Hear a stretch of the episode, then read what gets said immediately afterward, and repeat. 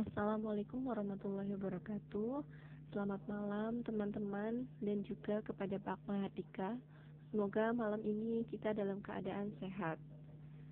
Kami dari kelompok 7 yang beranggotakan Vika Familiana, Yani Fitriani, Ahmad Syafiq Bayu Setiaji, dan juga Rafika Sari yang ingin mempresentasikan tentang analisis risiko pada sebuah alternatif keputusan yang di dalamnya terdapat empat submateri. Submateri yang pertama yaitu konsep dasar dalam mengukur sebuah risiko yang akan dijelaskan oleh Ahmad Syafiq Bayu Setiaji. Yang kedua tentang analisis risiko dengan konsep probabilitas yang akan dijelaskan oleh Mbak Vika Fameliana. Dan yang ketiga, analisis risiko dengan konsep phi of metric yang akan dijelaskan oleh Mbak Yani Fitriani. Yang terakhir adalah analisis resiko dengan pohon keputusan atau decision tree yang akan dijelaskan oleh Mbak Rafika Sari.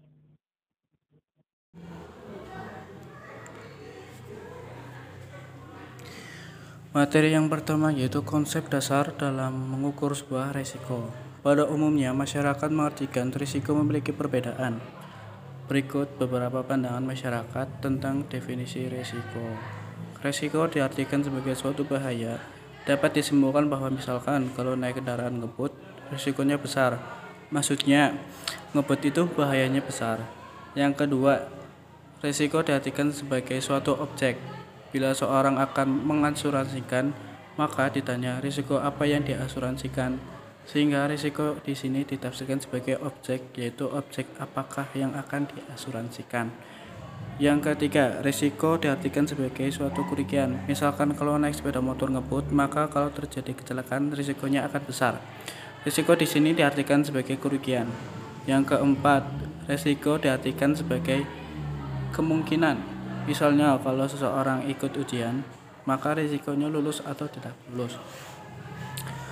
Menurut Basis, risiko didefinisikan the adverse impact on probability of several distinct sources of uncertainty.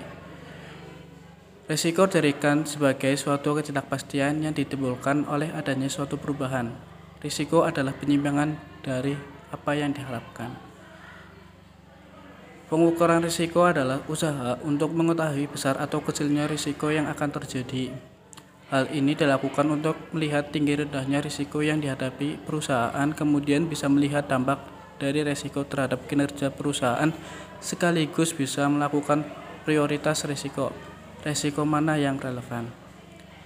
Dimensi yang diukur, besarnya frekuensi kerugian, artinya berapa kali terjadi suatu kerugian selama satu periode. Yang kedua, tingkat kegawatan, severity, atau keparahan dari kerugian-kerugian tersebut. Artinya, untuk mengetahui sampai beberapa besar pengaruh dari suatu kerugian terhadap kondisi perusahaan, terutama kondisi finansialnya. Resiko diklasifikasikan menjadi tiga macam menurut Susino Jojo Sudarso. Menurut sifatnya, menurut dapat tidaknya risiko dialihkan kepada pihak lain. Yang ketiga itu menurut sumber atau penyebab timbulnya. Terus manfaat pengukuran risiko untuk menentukan kepentingan relatif dari suatu risiko yang dihadapi. Yang kedua, untuk mendapatkan informasi yang diperlukan oleh manajer risiko dalam upaya menentukan cara kombinasi cara-cara yang paling tepat dan dapat diterima dalam penggunaan sarana penanggulangan risiko.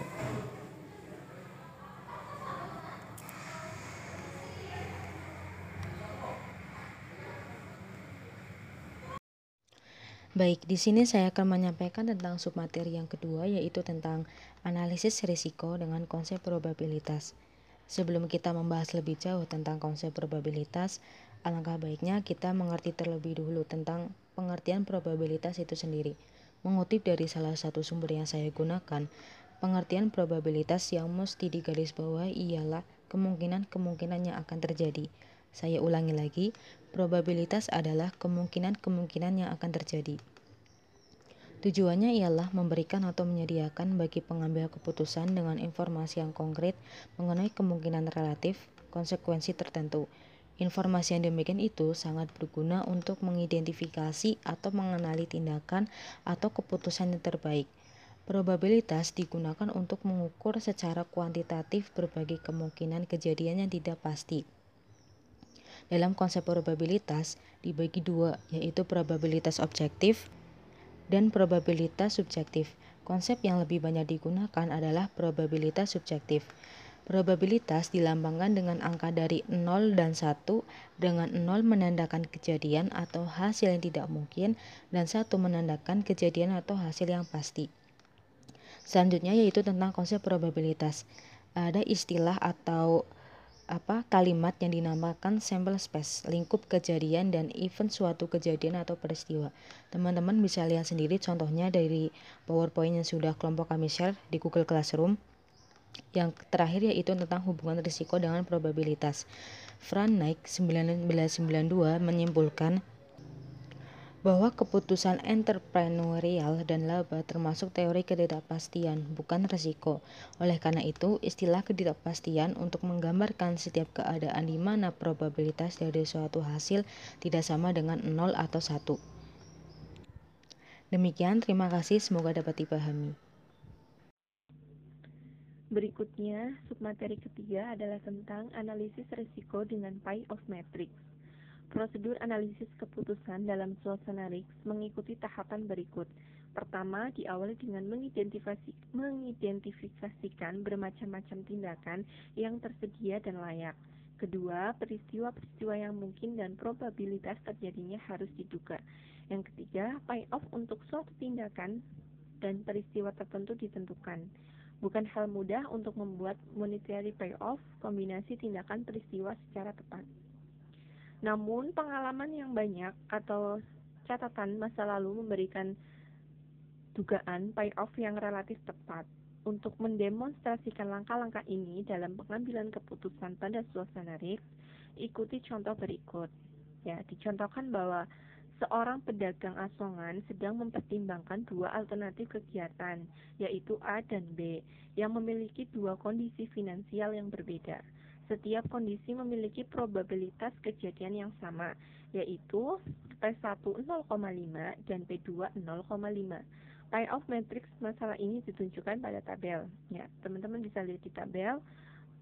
Di tabel ini ada tentang alternatif tindakan, alternatif tindakan ini diisi dengan alternatif tindakan kegiatan A dan kegiatan B. Untuk kolom yang kedua adalah tentang suasana atau cuaca. Ini ada mendung dan ada cerah. Nah, untuk kegiatan A ini menjual minuman. Dan untuk kegiatan B adalah menjual payung. Pada e, menjual minuman pada cuaca mendung yaitu sebesar min 1000 dan pada cuaca cerah yaitu min 1060. Dan untuk B menjual payung pada cuaca mendung 20 dan pada cuaca cerah 30. Kriteria yang paling sering digunakan dalam pengambilan keputusan adalah expected value. Expected value untuk suatu tindakan adalah rata-rata tertimbang payoff, yaitu jumlah dari payoff untuk setiap kombinasi tindakan peristiwa dikalikan probabilitas peristiwa yang bersangkutan. Alternatif yang logis adalah yang memiliki expected value terbesar. Expected value kedua rencana kegiatan adalah Nah, untuk e, kegiatan A yang pertama adalah min 1000 dikalikan 0,5 ditambah 1060. Hasilnya adalah 30. Dan untuk B, 20 dikalikan 0,5 ditambah 30 sama dengan 25.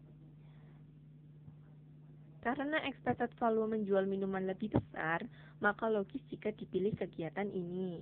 Dengan expected value menjual minuman sebesar 30, tidak berarti bahwa jika pedagang asongan itu menjual minuman akan diperoleh keuntungan payoff persis sebesar 30. Justru yang sering terjadi adalah bahwa keuntungan bukan sebesar expected value-nya. Kriteria ini digunakan karena untuk jangka panjang atau situasi serupa yang terjadi berulang dapat memaksimumkan payoff. Sementara jika situasinya tidak berulang, penggunaan kriteria expected value-nya mungkin tidak tepat. sebagai contoh, misalkan kesempatan memilih di antara dua kegiatan itu bagi pedagang asokan adalah yang terakhir, sebab ia akan segera menyertai atau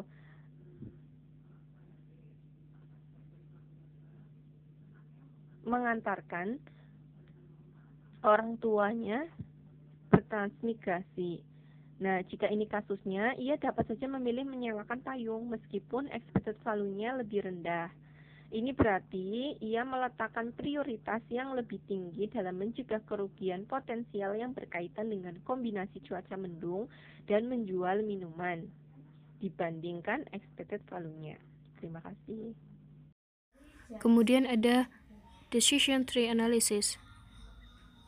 Data analisis merupakan alat pendukung keputusan menggunakan grafik seperti pohon atau model keputusan dengan kemungkinan konsekuensinya termasuk hasil kejadian, biaya sumber daya dan utilitas. Data digunakan dalam analisis keputusan untuk membantu mengidentifikasi strategi mana yang paling mungkin untuk mencapai tujuan. Teknik DT dapat memvisualisasikan banyak alternatif keputusan berikut dengan tingkat kemungkinan dan konsekuensinya. Teknik ini biasanya digunakan pada manajemen risiko proyek untuk menghitung nilai kemungkinan dan dampak dari setiap keputusan yang akan diambil, sehingga dapat membantu penggunanya untuk memilih keputusan terbaik di antara keputusan lainnya. Teknik data dapat digunakan dalam beberapa kondisi berikut ini. Pertama, ketika pengguna mencoba untuk mengoptimalkan biaya dan benefit, Kedua, terdiri dari banyak alternatif keputusan. Ketiga, terdapat ukuran biaya, manfaat, dan kemungkinan yang dapat di dihitung. Keempat, ada ketidakpastian mengenai hasil apa yang akan terjadi terhadap suatu keputusan yang akan diambil. Faktor-faktor penentu keberhasilan data analisis yang pertama, membuat atau menyusun struktur pohon dengan hati-hati. Semua keputusan alternatif berbeda secara material, maka harus dipertimbangkan. Kedua, akses ke data yang berkualitas tentang probabilitas, biaya, dan reward pada keputusan dan event yang dispesifikasikan. Ketiga, kegunaan fungsi yang telah divalidasi dengan pengambil keputusan organisasi. Keempat, ketersediaan dan pemahaman mengenai software diperlukan untuk menyusun dan menyelesaikan sebuah pohon keputusan. Adapun kelemahan dari data analisis yang pertama terkadang sulit untuk membuat ke struktur keputusan. Yang kedua, probabilitas kejadian bisa sulit dihitung ketika tidak ada historis data. Ketiga, analisis situasi yang rumit membutuhkan software khusus kemungkinan ada beberapa penolakan untuk menggunakan pendekatan teknis dalam pengambilan keputusan. Terima kasih.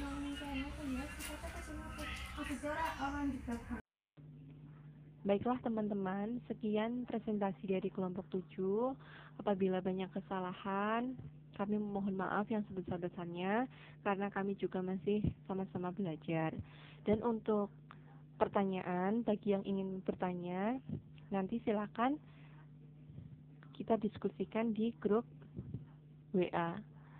Terima kasih.